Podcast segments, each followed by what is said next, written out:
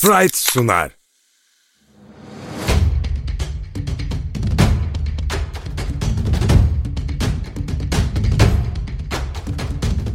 Top yalan söylemez. Avrupa'nın parke zeminlerinden seken zamansız sohbetler. Hazırlayanlar Uğur Ozan Sulak, Ahmet Çakı, Yiğiter Ulu.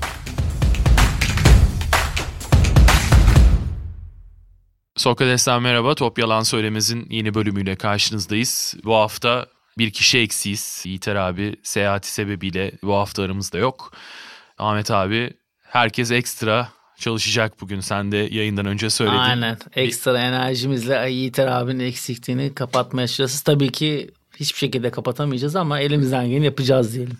Zor da bir hafta. Yani son maçları düşündüğümüzde tabii ki çok fazla hesap var Euroleague'de. Son bölümde biraz değineceğiz ama esasen yine tabii takımlarımızı konuşarak biraz daha genel bakmaya çalışarak ilerleyeceğiz. Yani Baskonya Efes maçı keza işte Fenerbahçe Beko Barcelona maçı gündem maddeleri arasında. Barcelona maçıyla başlayalım abi. Yani Veseli sakatlanana kadar aslında Fenerbahçe Beko'nun üstün götürdüğü bir maç diyebiliriz. Yani kazanılacak gibi gözüküyordu. Daha doğrusu şöyle yani ilk yarıdan bu maçı kazanabileceğinin izlenimini vermişti Fenerbahçe Beko. Tabii ki Veseli'nin sakatlığı yani Euroleague'de öyle bir oyuncu devreden çıkmış oluyor ki aslında tüm takımlarda baktığınızda belki de varlığıyla yokluğu en çok fark yaratan oyuncu şu anda Yan Veseli.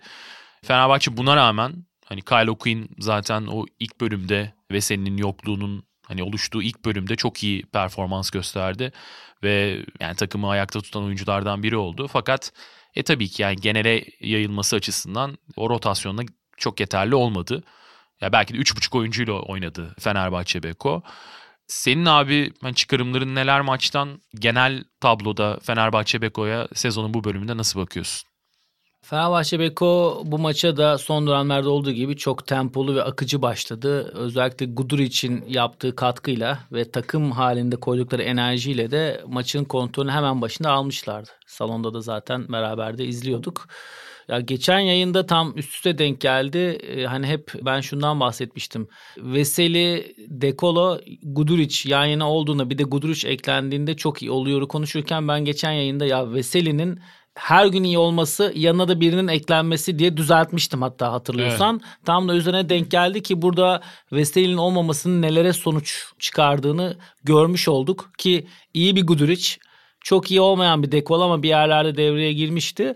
Yani Veseli bence şu anda Euroleague'de yani Tavares'in de Real Madrid'de bir sakatlığı söz konusuydu. O da çok gündeme geldi onların eksine ama şu an bir takımda olmadığında sen de biraz önce durdun en kötü olabilecek senaryo Fenerbahçe için oluştu. Ben şuraya dönmek istiyorum. Ben maçın içerisinde bunu çok hem düşündüm hem konuştuk. Veseli de ilk bölümde sakatlandığında sezonda buradan çıkışı Koç Kokoşko, Dechampierre, Bartel bunlardan aldığı enerjiyle geçmeye çalışmıştı.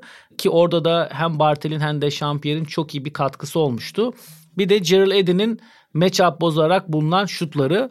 Burada da yine Gerald de rafa kaldırılmış gibi gözükse de kenardan girdiği anda çok hazır gözüküp hemen bulduğu bir üçlük. Hemen onun iki tane klasik düzeni var zaten. Bir tanesi işte flare'la forvete doğru. Diğeri de tepede oynanan pick and pop'la. Hemen onlardan bir anlık çözüm buldular. Ve Kyle Quinn'den gelen 3. periyottaki üçlük ve belli bir skor katkısı orta mesafe şutlarla yine Pierre'in soktuğu birkaç tane atışla 3. periyotta da oyunda kaldı Fenerbahçe Beko ama Barcelona'da burada ben bu sene çıplak gözle ilk kez izledim. Hakkını vermek lazım Yasikevicius'un. Eski tarz dediğimiz sahada fiziksel kalma, uzun kalma, özellikle uzunlarla, Smith'le, Mirotic'le, Davis'le bu üçüyle özellikle uzun kalarak adam değişmeni müdafaya eski tarzımız ısrarla boyalana vererek hani bugünümüzde hep şey konuşuluyor. Adam değişmeni müdafaya da içeriye verdiğinizde çok yeteri kadar spacing olmuyor, alan kalmıyor. Daha çok kısalarınkini kullanmaya çalışıyor ama tersten giderek gerçekten uzun kalarak ve repost dediğimiz yani içeri verdi olmadı dışarıya bir daha aynı hücumda bir daha içeri vererek çok da zarar verdiler Fenerbahçe Beko müdafasına. Buralarda ben şu çıkarımımı da ufak bir değişikliğe uğratmak istiyorum. Çünkü geçen iki yayında ben hep Kyle Quinn'in Veseli'nin yan yana oynayarak da yükünü alabileceğini olmadığında da bir playoff'ta 10-15 dakikayı çıkarabileceğini konuşmuştuk yine burada hep beraber. Ama onu da hücum olarak yapabildiğini müdafaa anlamında yapamadığını görmüş olduk bu maçta. Çünkü Bartel'in geçirdiği rahatsızlıktan sonra aynı enerji ve sertlikte olmaması, Dechampierre'in o yükü biraz daha fazla alması Vesey ile beraber Fenerbahçe Beko için çok değerliydi. Vesey'in olmadığı günde ikisi yeterli olmadı maalesef. Özellikle müdafaa anlamında. Yani Vesey'nin hücumda olmaması da çok büyük bir sorun ama onu bir şekilde hem Cirledi'den aldıkları kısa beşle hem Pierre'le çözüyorlar ama Fenerbahçe Beko'nun zorlandığı bölüm bence Barcelona maçında Veseli'nin müdafadaki getirdikleri oldu. Ya Kyle O'Quinn kariyeri boyunca aslında işte 18 dakika, 16 dakika, 15 dakika, maksimum 20 dakikalık bir çizelgede genellikle oynadı. Tabii NBA basketbolu farklı ama ya burada da 30'lu dakikalara yaklaştığında biraz özellikle kısa savunmasında sıkıntı yaşadığını gördük. Hı hı. Ya, reboundlardaki peki problemi neye bağlamak lazım abi? Ya çok fazla hücum reboundu verdi Fenerbahçe. Bunu tabii Veseli Kyle O'Quinn değişimine direkt bağlamak herhalde çok Yok, doğru hayır. doğru olmaz. Ya bu maç ya Fenerbahçe Beko'nun zaten sezon başından beri koç işte her maç önünde veya sonunda söyledi. Reboundlar bizim aşilimiz diyordu. Onu takım halinde çözüyorlardı ki burada çözerlerken de en büyük katkı Veseli'yi saymıyorum ama Pierre'den geliyordu. Bu maçta özellikle off pick dediğimiz e, screen çıkışlarında adam değişti Fenerbahçe Beko. Böyle olunca da sadece ikili oyunda değiştiğinizde gene bir tane mismatch'i durdurabiliyorsunuz ama bu double exit dediğimiz iki tarafın kısaların seçtiği düzende iki uzun birden forvette kalıp içeride Melih ile Lorenzo Brown'un veya Guduric'in kaldığı pozisyonlar oldu. Orada tabii rebound kaçılmaz oldu. Burada Skevicius'un genel sezon planında zaten 4 ve 5 numaralardan hep uzun kalıp physical kalıp her zaman rebound, hücum reboundında üstünü kurma gibi planı var. Bunu Zagris'te de kullanıyordu. Ya bu Fenerbahçe'nin taktiksel yaklaşımıyla Barcelona'nın da sezon planı birbiriyle zıt olunca orada da bir sorun oluştu. Yoksa Fenerbahçe Beko hem bireysel olarak oyuncuların bu sorumluluğu alması ve de takım sorumluluğuyla bu rebound işini bence çözmüştü. Rebound işini çözmenin de en güzel yanı nedir? Siz hücumda yeteri kadar denge olup sayı atarsanız o hücum reboundlardan ikinci atıştan yediğiniz sayı sizi bir şekilde o kadar maçtan düşürmez. Buradaki sorun hem hücumda atamadığı sıkıntı çektiği dönemde müdafada da iyi olmasına rağmen hücum reboundları bir daha yediğinizde o işte takımı çok fazla düşürüyor enerjinizi alıyor. Yani ben e, Fenerbahçe Beko'da en önemli şeyin Veseli'nin yokluğunda ne kadar olmayacağını bilmiyorum. İnşallah bir an önce döner ama Pierre'den alınan katkı çok önemli.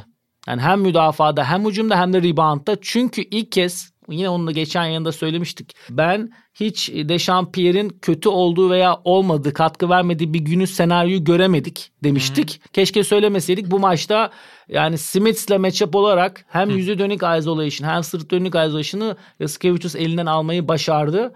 Bu hem hücum gücü olarak önemli Fenerbahçe Beko'da ve koçun da maçı hemen maçta ileri gitti. Bartel 5, Gerald Eddy 4, Dechampierre'in 3 olduğu senaryoda 3 numara postabı veya bir dönem Ahmet veya Bartel 5 numara e, yine Dechampierre'in 4 olduğu senaryoda Bence bu oyuncuların katkısı çok önemli. Yani, yani bir tek Kyle Quinn değil. Bence Bartel'in eski Bartel'e dönmesi ki o güvende değil şu anda. Yanında da her maçta olduğu gibi Barcelona maçı hariç Dechampierre'in o katkıda olması çözüm olacak.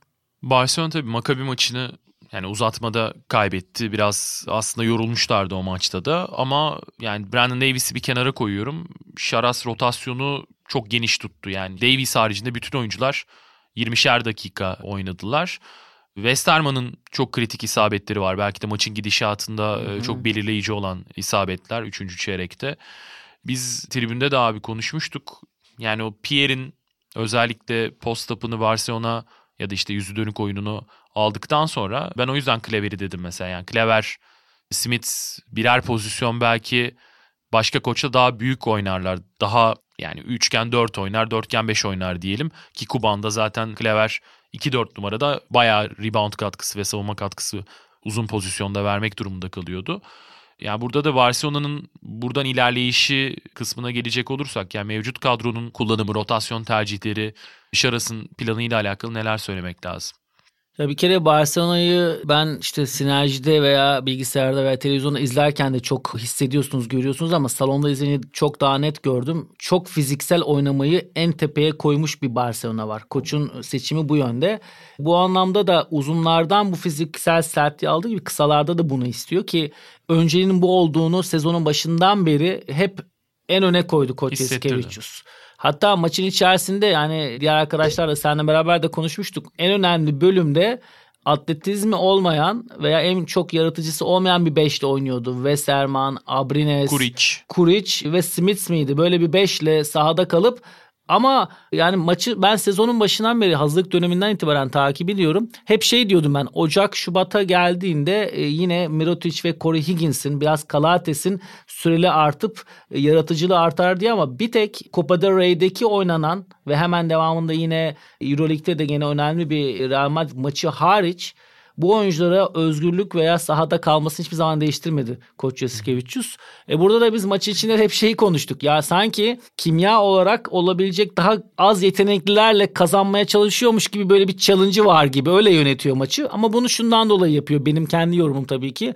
Defensi ne kadar önemsediğini bunun vazgeçilmez olduğunu oyunculara vermek ve olabildiğince de takımını bu yönde disipline edip yeri geldiğinde bunu verdiği anda da herkesin o rolü alabileceğini zaten biliyor. O yüzden şu anda gerçekten Euroleague'in en fiziksel. Hani Bayern Münih'i de konuşuyoruz ama Bayern Münih ile Barcelona arasında ciddi bir fark var. Öyle söyleyeyim yani. İkinci fiziksel oynayan takım Baskonya diyenler de olabilir. Bayern Münih diyen ama arada çok büyük fark var. Çünkü yani Yasikevicius'un yaptığı bence Bayern Münih'e göre daha değerli olan Bayern Münih kadar oyunu durağanlaştırıp işte foulleri kullanarak daha çirkinleştirmiş. Çirkinleştirmek belki ağır bir kelime ama Barcelona biraz daha görselleştirerek yapıyor bunu. evet öyle söyleyeyim. Yani inanılmaz fiziksel bir maçtı. Seyircinin olmadığı Evet. yani seyircinin olmadığı bir yani Yasikevicius'u bu yönde ben gerçekten çok kendimce takdir ediyorum. Kendi sesiyle işte oyuncuların süresini kısıtlayarak, değiştirerek, sürekli motive ederek kendi sahasında da olsa, Fenerbahçe Beko'nun sahası da olsa bu motivasyonu, bu sertliği her gün ve bir 10 ay boyunca yapmak şu Covid şartlarında muazzam bir şey. Ve yani deplasmanda yani biz sağ içinde kalmaya çalışıyoruz. Hani podcast'te hiçbir zaman zaten hani hakem konuşmadık. Yani konuşma gibi bir hani fikrimiz de yok ama ya şöyle bir durumda var tabii. Barcelona ve Bayern'e karşı özellikle hani maç yapan takımlarda hakemlerin tonu çok belirleyici oluyor. Yani ilk çeyrekten itibaren özellikle işte deplasman maçlarında yani Fenerbahçe Beko sonuçta Euroleague'de bir gerçek var yani ev sahibi düdüğü yani Fenerbahçe Beko kalibresindeki takımlar için bu kadar aslında biraz rakibin tarafına ya da oyununa diyelim yönelik düdük geldiği zaman e, biraz düzen bozulabiliyor. Yani Barcelona ilk bölümden itibaren o sertliği yapabilmek için aslında maçın tonunda da hakemler tarafından biraz yeşil ışığı aldı.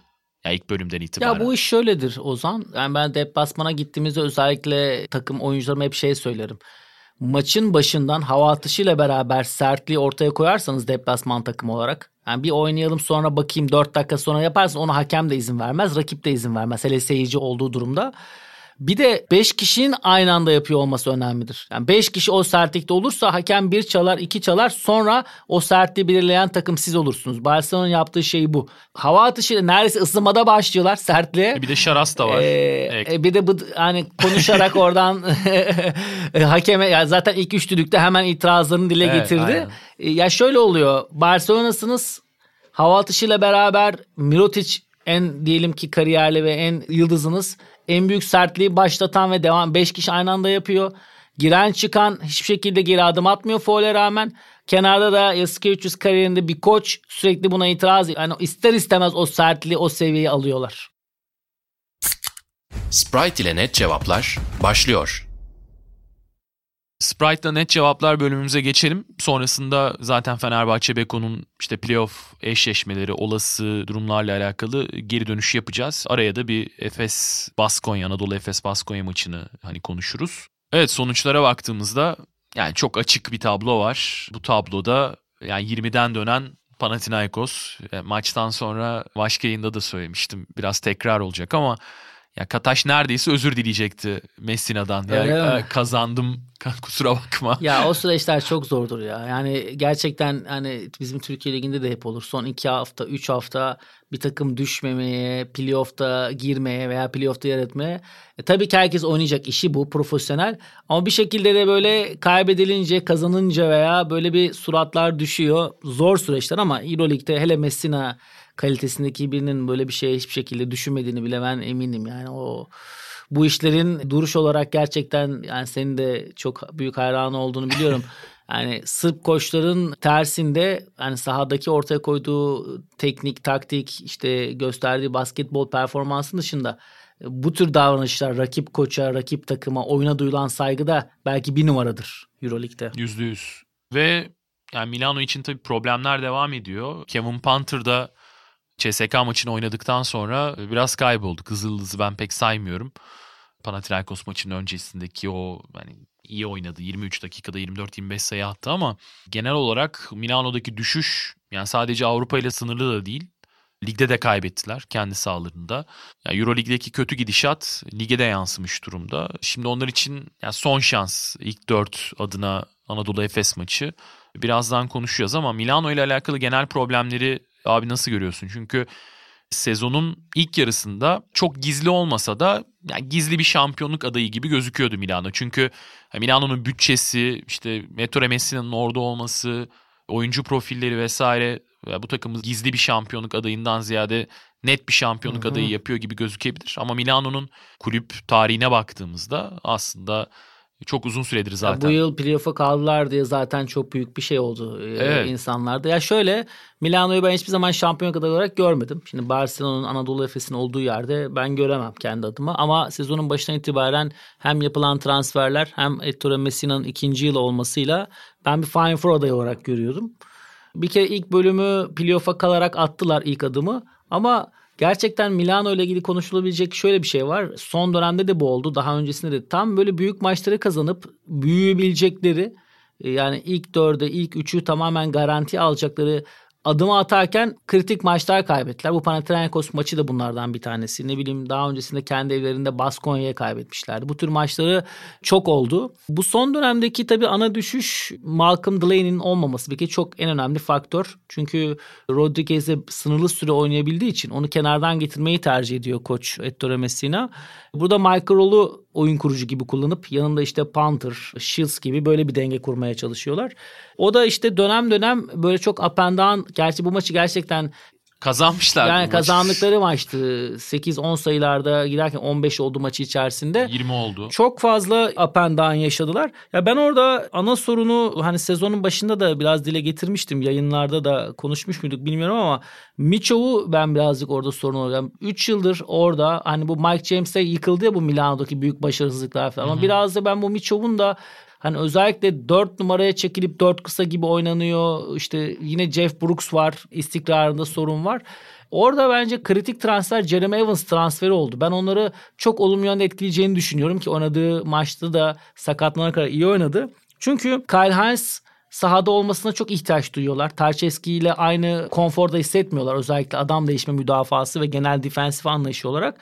Jeremy Evans hem Zach ile aynı oynayabileceği gibi Aynı zamanda size problemini de Kyle Hines'la beraber ortadan kaldırıyor ve yazın bir webinarını dinlemiştim Ettore Messina'nın. Geçen yılki takımıyla ilgili en büyük kendisinin elini daraltan 5 numaradan pick and pop oynayamamak olduğunu dile getirmişti. Sanırım Zach Ledey transferlerinde ki ana neden de oydu 5'e çektiğinde. Şimdi Jeremy Evans olduğu zaman Ledey ile beraber bunu 5 numaradan da daha rahat alabilecek konuma gelecekler. Ama Asıl sıkıntı şu anda Panther'ın liderliğinde Malcolm Drain yokken oynanan basketbolda bunun tam böyle kalıcı bir şekilde oynanamaması. Burada tabii çok sakatlık da yaşadılar. Hatta ilk Mitchell'ın sakatlandığı dönemde Shields'ten de çok güzel bir katkı aldılar. Hı hı. Panther'da yine yokken onu iki numara kullanıp skorer bir rolde getirdiler. Sezon başında sadece defensif rolde görülen bir oyuncu da. Çeşitlikleri de arttı ama ya ben sezonun başından beri hep Milano'yu ilk dörtte gördüm. Ama şu anda da bu kayıpla ya beşinci ya dördüncü olacaklar diye düşünüyorum. Ben şeyimin arkasındayım. Yani Barcelona, CSK, Anadolu Efes Fener. Milano ben Fener diye düşünüyorum. Fener Milano düşünüyorum veya Milano Fener gibi. Burada tabii ki Milano'nun durumuyla ilgili de Fenerbahçe Beko'nun oynayacağı Real Madrid maçındaki vesilesiz reaksiyonu da belirleyici olacak. Tabii ihtimallere son bölümde değineceğiz ama Bayern'in kazandığı işte Milano'nun kaybettiği denklemlerden birinde Milano'nun yedinciliğe kadar düşme durumu var. Gerçi yedincilik çok kötü bir şey mi Euroleague'de ondan da emin değilim çünkü CSK ile oynayacaksınız. CSK ile oynamayı şu anda bence ilk dörtte olamayacak her takım tercih eder. Yani. Evet Fenerbahçe için de çok benzer bir senaryo aslında var. Tabii burada Bayern'in Barcelona'yı yenmesi çok kritik her iki takım açısından da. Ve hani Barcelona nasıl rotasyonla oynar orasını şu anda kestirmekte ya kolay Eskevicius değil. Eskevicius bence orayı öyle bir kaybetme modunda oynamayacaktır. Ama basketbol bu. Bayern Münih'te sert bir takım gidip oraya aksiyonu gösterip kazanabilir. Bir tabii ki kazanabilir ama Barcelona o maçı da kazanarak bitirmeyi normal sezonu oynayacaktır. Ben öyle düşünüyorum.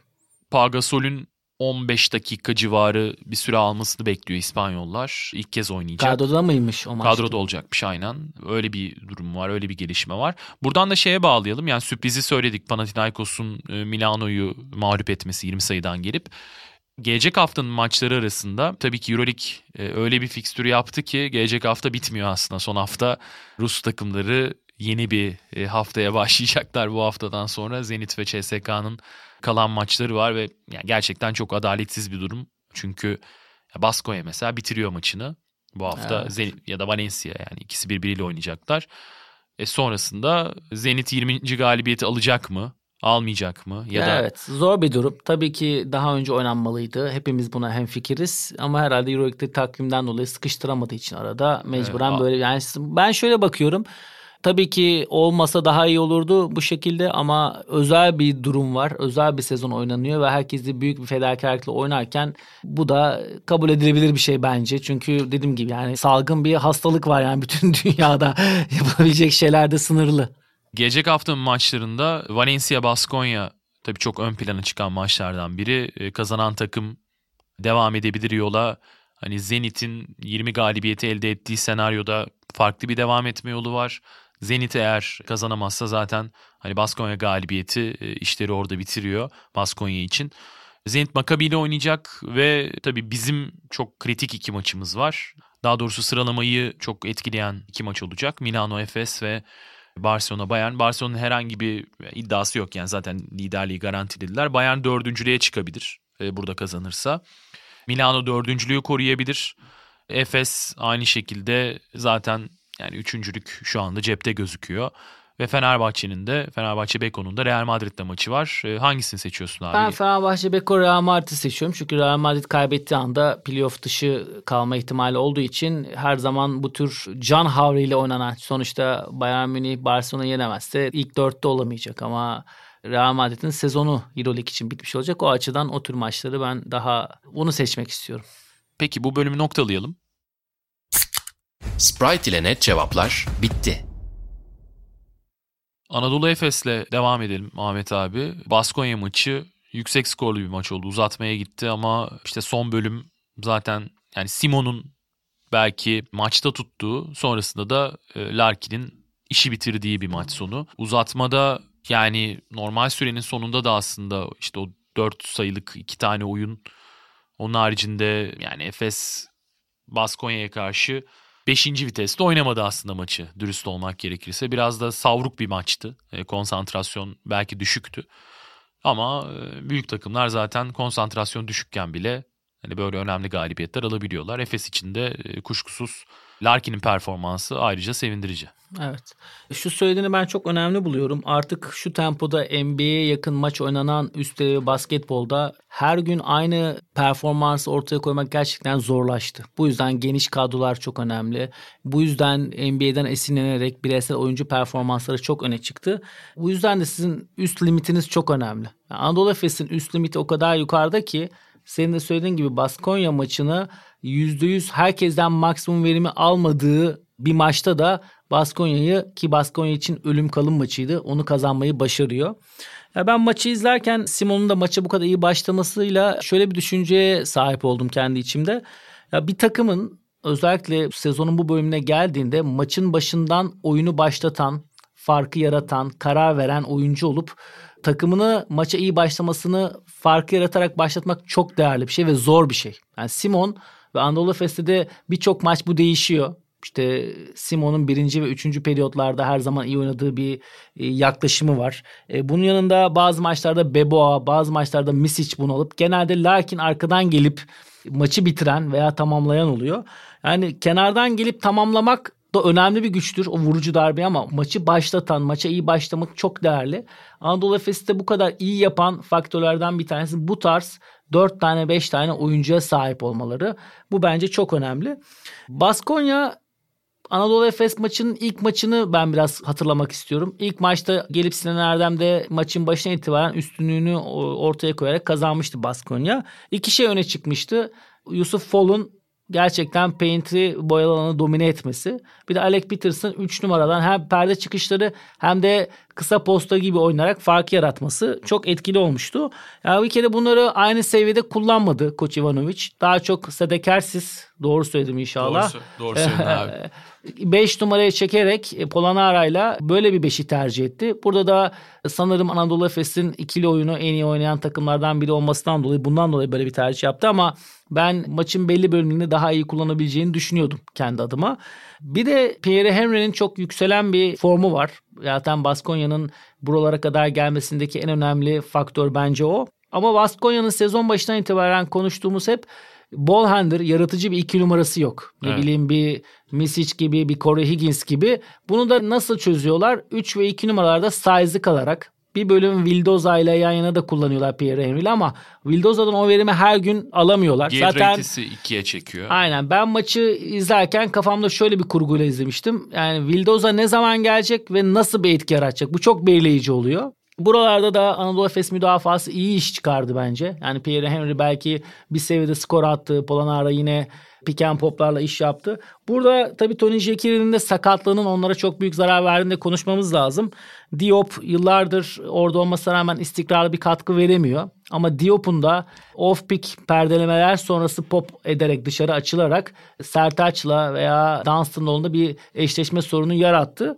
Ama Anadolu Efes Shane Larkin'in işte son dönemde çok konuşulan işte çok iyi gözükmüyor, çok vücut dili bu tür şeylerin biraz yersiz olduğunu da ortaya koydu bence. Yani bu takımda senin baştaki söylediğinle ben bağdaştırmak istiyorum. Shane Larkin de her gün maçın ilk topundan %100'üyle orada olmasına gerek olmadığını hissediyor olmasının da bence öyle bir ona bir alan konfor zon yarattığını düşünüyorum. Gereken yerde devreye gerek maçı aldı. Ama ben önemli bir taktiksel olarak defensif anlamda Singleton ve Muarman'ın yan yana evet. olması orada müdafaa anlamında o uzunların bulduğu alanı ortadan kaldırma anlamında koç atamanın verdiği önemli bir karardı. Abi orada maç sonuna nasıl bakıyorsun? E, faal yapmadı Efes. Larkin zaten kaybetti orada adamını. Windows'a üçlüye attı. Sonrasında maç uzadı. Ya şöyle şimdi bu normalde artık 3 sayı öndeyken sonda hep bu foul yapılıyor. Çünkü bir şekilde üçlü yediğiniz anda veya turnike çembere gittiğinde basket foul de olabiliyor.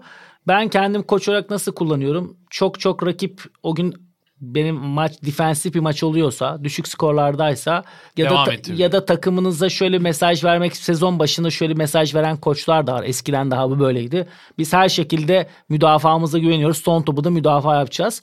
Ama bence koç Ergin Ataman burada bu maçlık yapmamayı tercih etti. Yani konuşmadım kimseyle ya da yapmayı ya iyi konuştular yapamadılar öyle bir durum mu oldu onu bilmiyorum ama televizyonda izlerken yapmamayı tercih etmiş gibi gözlemledim ben. Bu tür durumlarda da oyuncuların şöyle bir anlayışa sahip olması lazım. Eğer yapmıyorsanız da eksilmemeniz lazım. Orada topa hamle, topu çalma yaparken eksildiğinizde sorun orada başlıyor. En azından şöyle bir anlayış da var. Kolejde çok kullanılıyor. Foul yapmasa da üçlüye çok baskılı oynayıp turnikeye İki izin veriyor. verir, evet. izin verir. Sonuna kadar gitmeye izin verir. Hatta birisi paint'e girdiğinde üçlüklere koşarak. Öyle bir e, biz bir maçta ben Erdem'in koş onu da kullanmıştık. Zeli Weston vardı bizde. O dönemde de Leo'ba turnikeye izin verip oralarda bunu kullanmıştık.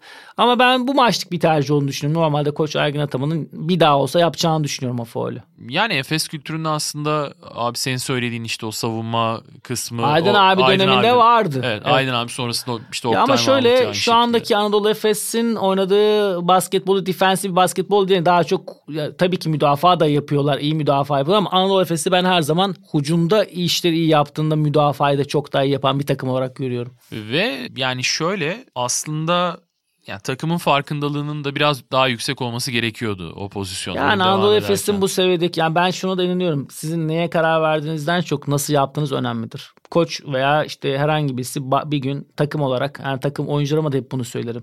En kötü hücumu seçer koç set olarak ama sen öyle bir uygularsın ki takım halinde gene sayıyı bulursun. Müdafada da aynı. Koç bunu yapmamaya karar verdiğinde Anadolu Efes seviyesindeki bir takımın ki Shane Larkin biliyorsunuz yani bu takımda işte müdafaa yapıyor yapmıyor konuşuluyor. Yaptığı zaman en iyi müdafacı. Böyle bir konforu da var Anadolu Efes'in. İşte Misic çok fiziksel bir oyuncu. İşte e, James Anderson'ı koyuyorsun. James Anderson böyle işte Muarman'la Singleton yan yana koyuyor. Brian Dunstan ki yani hep biz Sertaç'ı da konuşuyoruz. Bugün artık öyle alıştırdı ki biz onu konuşmuyoruz bile. Sıra ona gelmiyor. Çünkü artık olağanlaştı. Sertaç'ın ikili oyun müdafası bu takımın en iyi oyuncusu olduğunu düşünüyorum ben. Yani o uzuna hem rolü vermeden hem de kısaya bir an gözükerek yani gerçekten Dunstan'ın önüne geçti bu performansıyla. Genelde her yerde ve herkesin konuştuğu Sertaç'ın şutları ama defensif anlamda da Sertaç'ın bu hakkını vermemiz lazım. Bu hafta maçlarına geçelim. Sonrasında yani playoff eşleşmelerine e, biraz değiniriz olası yani durumlara. Şimdi Efes'le devam ediyorken Milano maçını belki biraz konuşabiliriz. E, Milano için tabii ki dördüncü sırada kalmak adına çok önemli bir maç. Efes yani CSK'nın iki maçtan birini kazandığı e, senaryoda ve Zenit'in de işte 2'de 2 yaptığı senaryoda zaten Efes'in durumu belli. Efes 3. E, Zenit kaybetse bile CSK 2'de 1 yaptığında Barcelona zaten 1. CSK 2. E, Efes 3. Efes 4. ya da 2. kısmında gidip gelmiyor. Yeri belli. Rakip tabii ki 6. sıradan gelecek takım değişebilir. E, fakat Milano'nun durumunda e, az önce biraz konuştuk ama yani dördüncü olmak da bir ihtimal. Yedinci olmak da bir ihtimal. Ve yani burada tabii beşinci olmak da aynı şekilde bir ihtimal. E, Milano bu kadar kötü giderken e, sakatlıklar zaten takımı etkiledi. Yani nasıl bir maç e, öngörüyorsun abi? Milano Efes'in de hazır böyle biraz cepten yeme durumu varken daha farklı olur mu? Ya şöyle Milano'nun tabii ki çok daha konsantre ve kazanmaya ihtiyacı olduğu bir taraf kesin. Anadolu Efes'te şöyle bir takım hatta bir önceki sezonu Baskonya deplasmanında Baskonya'nın playoff şansı varken Anadolu ihtiyacı gidip farklı evet. bir şekilde yenip gelmişti sonuna kadar kazanmak için orada olacaktır. Ama Milano'nun daha çok ihtiyacı olduğu için onlar biraz daha asılacaklardır maça. Çünkü sonuçta ilk dörtte olmak onlar için çok değerli. Ya şöyle Milano'nun Anadolu Efes oynadığı ilk maçta Sinan Erdem'de çok iyi bir reaksiyonu vardı. Hatta hem Fenerbahçe Beko'yu hem e, Anadolu Efes'i yenmişlerdi. O dönemde de çok iyi müdafaa yapmışlardı. Bence Milano'nun takım halinde yapacağı müdafaa yani çünkü Anadolu Efes'te hiç kazanmaya ihtiyacı olmasa bile ofensif olarak ritme girip başından sayı atmaya başladığında otomatikmen bir canavara dönüşüyor. O kazanma moduna geçiyorlar. Onu Anadolu Efes'e vermemeleri gerekiyor. Bunun için de yeterli oyuncusu var defensif anlamda. Özellikle uzun tarafında Kyle Heinz'ın e, liderinde başlayan defensif bir yaklaşım var. Ama biz tabii ki isteriz ki Anadolu Efes o maçı kazanarak e, playofflara gitsin. Fenerbahçe Beko'da Real Madrid yensin. Bir şekilde de hiç şekilde iki takımımız birbiriyle eşleşmesin. Çünkü Anadolu Efes kaybederse e, kazansa da kaybetse de 3 olup Fenerbahçe Beko'nun 6 olma ihtimali de var sanırım kaybederse. Yani ben açıkçası bu haftaya biraz o gözle bakıyorum. Yani iki Türk takımını eşleştirmeden e, nasıl geçeriz? İkisi de ilk dörtte olursa zaten muazzam olur. Fenerbahçe'nin dördüncü bitirmesi için de Anadolu Efes'in kazanması evet. çok değerli. O Aynen. anlamda umarım Anadolu Efes e, Milano'yu deplasmanda yener. Fenerbahçe Beko'da Madrid'i yenerek bir Türk takımı üçüncü, diğeri de dördüncü olur. Ya öyle bir durumda tabii şimdi Fenerbahçe ve Efes'in galibiyetlerini hani hesaba katıp o ikisini yazdık. Barcelona kazanırsa e, Bayern'e karşı Milano 5. oluyor. Yani Fenerbahçe'nin rakibi oluyor. Ama Bayern Barcelona'yı yenerse işte o zaman demin bahsettiğim senaryo olacak. Yani ben Mila- biraz Milano, Milano Fener- Milano Fenerbahçe eşleşmesi hissediyor gibiyim yani. Biraz böyle baktığımda Vallahi iyi olur kötü, bence. Kötü de bir eşleşme olmaz. Basketbol açısından da güzel olur bizim. Yani çıkıştaki Milano takımıyla bu yılın e, ikinci bölümünü sürpriz bir şekilde domine eden e, Anadolu Efes iyi gerçi ama Fenerbahçe Beko'nun performansıyla iki koç hem Kokoşko ve Messina bunların hazırlıkları, playoff hazırlıklarında burada en azından e, iki veya üç maçta görmek de bizim için çok olumlu olur. Real Madrid maçına geçelim. Fenerbahçe Beko Real Madrid'i konuk edecek. Real için zaten e, çok zor bir sezon oldu. Sakatlıklar, kadronun yenilenmeyişi, Lasso'nun yaşadığı problemler vesaire derken Campazzo zaten ayrıldı. Randolph işte sezonu kapattı ve hani Real beklemediği bir yerde ne olursa olsun sezona hı hı. sezona başlarken e, düşündüğü noktada değil şu anda. Sağ avantajını aslında ilk yarının tamamında korudular. İkinci yarının başında da yine yani e, sezonun ikinci yarısının başında da yine buna sahiplerdi ama e, şu anda playoff dışında kalma tehlikesiyle de karşı karşıya Real Madrid. Hani Zenit'in 20. galibiyeti aldığını düşünürsek yani 2'de 2 yaparsa Zenit ki CSK'yı yendiler bu hafta. Şey VTB liginde gayet formda gözüküyorlar. E, Real Madrid eğer maçı kaybederse ve Zenit kazanırsa Real Madrid dışarıda. Hı hı. Hiçbir sonuca Ya e, Ben zaten bakmadan. söylemiştim Real Madrid'le ilgili fikrimi. Real Madrid'in playoff dışı kalacağını e, geçen yayında konuşmuştuk. Nasıl bir şey oldu? Veseli'nin maçta olmayacağı durumu oluştu. Tavares de oynuyor. E, bu tabii ki onlar için büyük bir avantaj. Ama ben Fenerbahçe Beko'nun Veseli'nin yokluğunda da Kalkuy'un hücumda o katkıyı alacağını gösterdi. Müdafaa sertliği ve enerji olarak da Ahmet ve Bartel'den ve Pierre'in de uzun olarak değil de genel olarak o sertliğiyle ve ben Kokoşkov'un e, bu maça özel Gerald Eddy'den özel bir performans alacağını düşünüyorum 4 numaradan dış şutla. Tabii ki Vesey'in olmadığı yerde kısa yaratıcılığı çok önemli olacak. Yani Guduric, Dekola ve Lorenzo Brown'dan belli bir seviyede katkı alırsa, hücumda istediklerini ortaya koyarsa Fenerbahçe Beko ben e, Veseli olmadan da kazanacaklarını düşünüyorum. Çünkü Real Madrid tamam çok önemli. Çok önemli bir kültürleri var. Maçı kaybederlerse ilk kez playoff dışında kalacaklar. Ama bu yılda e, bir o kadar da kırılgan olduklarını düşünüyorum. Gördük Anadolu Efes maçı yani ilk yarıyı önde bitirip 3. periyotta tamam koçun diskalifiye olmasıyla birkaç üst üste serbest atış da oldu ama bir anda 20'lik oldular. Yani bu Real Madrid'in alışık olduğumuz bir yönü değil. Ben Fenerbahçe Beko'nun o kararlılıkta oynayarak e, Veseli olmadan da çünkü Barcelona maçı her ne kadar kazanılamasa da takımda Veseli'nin o maçta out olmasına hemen verdiği bir reaksiyon vardı. Yani ikinci periyotun tamamı, üçüncü periyotun başı. Koç da çabuk adapte oldu bence. O yüzden şimdi daha hazırlar. Onunla ilgili yine koçun ofensif hazırlığı da vardı defensif olarak da. Tabii ki Tavares'le matchup olmak, onun bitiriciliğini engellemek zor olacak. Ama Fenerbahçe Beko'nun kullandığı çok güzel bir şey var. Full court müdafayı, baskıyı, tam sahayı çok iyi kullanıyor. Guard sorunu olan bir Real Madrid'e karşı bunu kullanacaklarını düşünüyorum. Bilmiyorum bir alan müdafası düşünebilirler mi? Hiç kullanmadılar. Ama Tavares'e karşı. En son üzerine duracağım şey kısaların yaratıcılığı olacak. Kendi skorları ve Kyle Quinn başta olmak üzere diğerlerinin devreye sokuşları çok değerli olacak. Gabriel ve Dechampierre eşleşmesi de 3 numarada gerçekten çok keyifli olur izlemeye. İnşallah salonda olur izleriz.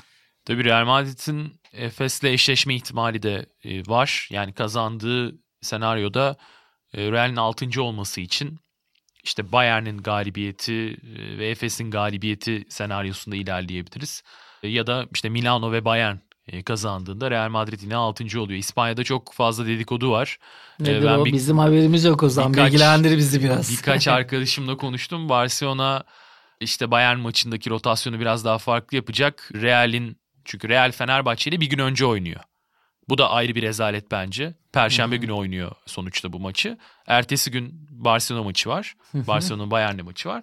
Barcelona Perşembe günü e, maçı bekleyecek. Real'in kazanacağını düşünüyorlar. Real kazandıktan sonra da rotasyon farklı olacak. Böylelikle Real'i Efes'e kırdıracaklar. Ya Barcelona ezeli rakibini Ya ben zannetmiyorum. Ya, Ya yok ben- veya koca Barcelona'nın böyle bu kadar ligi domine etmişken Real Madrid'le eşleşmemek için mi yapacağını düşünüyorsun? Real Madrid'le eşleşmemek için de değil. Yani hani ben 2-3 kişi e, böyle bir teoriden bahsediyor. İspanyollar da çok sever İspanyollar biliyorsun. bizim Teo- Türk gibi demek Evet. yani. Bizde de böyle sosyal medyada böyle belli teoriler üzerinden e, senaryolar yaratılıyor ya komplo Evet teorileri. evet ama yani İspanyollar hani rakip seçmek gibi bir e, durum varsa ki var Avrupa basketbolunda yani gerçekçi olalım. Hani bunu tabii ki desteklemiyoruz. E, bunun Yok, tabii ki evet. arkasında durmuyoruz ama bu Bence var. bunlar dedikodu ya. Ben hiç inanmıyorum. Şimdi Barcelona'nın böyle bir sezonda veya Real Madrid'in gidip orada onu onunla eşleştirmek için hiçbir şekilde yani ben yüzde bir bile ihtimal Hayır ama vermiyorum. ortada sadece bu değil. Şimdi e, Barcelona'nın rakip seçmesi kısmında Barcelona Bayern'le oynamak istemeyecektir bence. Zenit eşleşmesi mi Barcelona'nın tercihi olur, Bayern eşleşmesi? Çok büyük fark görmüyorum ben ya. Yani bu Bayern Münih işinde biraz fazla böyle efsaneleştirildiğini düşünüyorum. Yok ama yani daha iyi bir rakip Playoff'ta bence. şöyle bir hava da yaratılıyor işte. Kimse Bayern Münih'le eşleşmek istemez. Yani işte o Barcelona ile Bayern Münih eşleşsin görelim bakalım ne olacak. Yani playoff eşleşmesi de normal sezona benzemez. Ben de onu söyleyeyim yani. Şimdi Barcelona Euroleague şampiyonu için kurulmuş bir takım. Elinde bu kadar yıldız var. Eğer Bayern Münih'ten 8'den gelip matchup olmayı istemiyorsa zaten yani bir bu sorun var demektir. Ki ben bunun en ufak bir gündem bile olduğunu düşünmüyorum Leskevicius için. Yani hele şu Fenerbahçe maçını gerçekten çıplak gözle izlerken ya ben onun günlük o günü maksimum geçirmeye odak. Zagris'teyken de bunu çok konuşuyorduk. Yani 8'de 0 maç kaybetmişlerdi. Ertesi gün gelip bir maçı aynen sanki takım 5'te 5 kazanmış gibi yönetiyordu. Çünkü Yasikevicius'un zaten bence gücü de oradan geliyor. Belki başka bir koç oyunculuk kariyeri bu kadar olmadan yapamaz. Belki bir tek Obradovic yapabilir ama onlarda böyle arkalarındaki negatif şeye takılmadan yönetebilme şansları var. Ki ben Yasikevicius'u da çok bu yönde gerçekten takdir ediyordum Zagris'teyken geride bırakıp o günün en iyisine odaklanıyordu. Şu anda da ben onu Fenerbahçe maçını izlerken öyle hissettim gördüm. Bugünün en iyisine odaklanmaya çalışıyor. Yani eşleşecekleri Final Eight takımda da ben onu yapacağını düşünüyorum. Ya ben şöyle fikir empoze etmek açısından takıma bir şey yapmaz. Ama yani abi takımlarda da iş teoride bittiği zaman sonuçta bir performans düşüşü olabiliyor. Ve burada hmm. rotasyon tercihi şimdi Gasol'ün mesela bu maçta oynaması yani bence çok aşırı normal bir şey değil. Hmm. Ya Gasol'ü tabii ki ısındırmak istiyorlar sezonun ikinci bölümüne. Ama Bayern'e karşı Gasol'ü sahaya... Şey gibi söyledin. Gasol sanki böyle cilikten gelmiş gibi. ama 40, 41, 41 yaşında. O da yani, ilginç olacak ya bize evet. İspanya Ligi'nde mesela bence bir oynayıp e, Evet. ondan sonra Euroleague'e taşımaları daha olasıydı bence. Bir dahaki bence. yayında konuşacak çok şey olacak o zaman. O zaman bakalım, bakalım bu dedikodu yani, furyasından ne çıkacak ortaya. Çünkü, çünkü abi yani Real Real, Efes ve Barcelona kazanırsa yani 3 işte Real Fenerbahçe'yi yendi. Efes gitti Milano'da kazandı. Barcelona'da Bayern'i yendi kendi evinde. 1-8 oluyor Bayern Barcelona. Ama öbür türlü burada tabii Zenit'in yine 20. galibiyeti aldığını düşünerek söylüyoruz bunları. Hı hı. E, bakalım ya benim genel olarak tek itirazım fikstüre maalesef. Yani bence ağır konuşmak istemiyorum ama e, kepazelik. Yani bu işte, perşembe bir, günü özel cuma. bir yıl ya Ozan kolay değil. Ya muhakkak Euroleague'de böyle bir damga yemek istemezdi herhalde. Ben çok hakim değilim şimdi savunuyormuş gibi olmayayım ama. Ya bilmiyorum e, 6. hafta maçı Panathinaikos Zenit maçı 6. hafta. Hmm. 34. haftada bile oynatamıyorsun o maçı. Yani 30 evet. 28 hafta Biraz içerisinde. Biraz fazla olmuş haklısın. 12 Nisan'da tekrar bir maç yapacaklar. Neyse bakalım yani güzel bir hafta Avrupa basketbolu için çok fazla ihtimal, çok fazla e, heyecan var. E, dileriz tabii iki takımımız e, birbiriyle eşleşmez. Yani 3-6 e, umarız olmaz. Olmayacak ya ben. E... İnşallah tek dileğimiz bu e, şu aşamada. Sonrasında zaten rakipler geldiğinde bakarız. Yani aşağıdan yapılan eşleşmede de Fenerbahçe Beko, Yan Veseli'nin durumunu e, tabii konuşabiliriz ama onun da playoff'ta oynama ihtimali tahmin edilenden daha yüksek. Öyle mi? E çünkü yani 20 günlük bir ara Veseli'nin de bir sakatlığı vardı. İlk Final Four muydu o? o, e, yok ilk Final Four 2 yıl önce şey Efes'le işte oynanan şey Final Four. Orada gelmişti. E, Vitoria'daki Final Four orada çok iyi dönmemişti ama daha öncesinde de yani Ekpeyudoğlu sene Ekpeyudoğlu sene de çok uzun süre sakat kalıp çok iyi dönmüştü. Ee, hmm, İnşallah evet. öyle bir etkisi olur. Çünkü Veseli de bütün sezon oynadı neredeyse bir sezon başına yaşadığı sakatlık yerinde. Bazen de böyle bu kritik dönemde out olup geri geldiğinde de çok olumlu bir reaksiyon da olabiliyor. Dileyelim ki Veseli'nin o katılımı hem koça ve takıma o yokken ki alternatif güçlendirme şansı versin. Hem de Veseli geldiğinde de ortaya böyle joker gibi çok daha artı bir şey çıksın. Peki abi teşekkürler. Yiğiter abinin yokluğunu aratmamaya çalıştık ama tabii ki yani bunu... Onun yeri ayrı. Onun yeri ayrı. Tekrar görüşmek dileğiyle. Şimdilik hoşçakalın. Sprite sundu.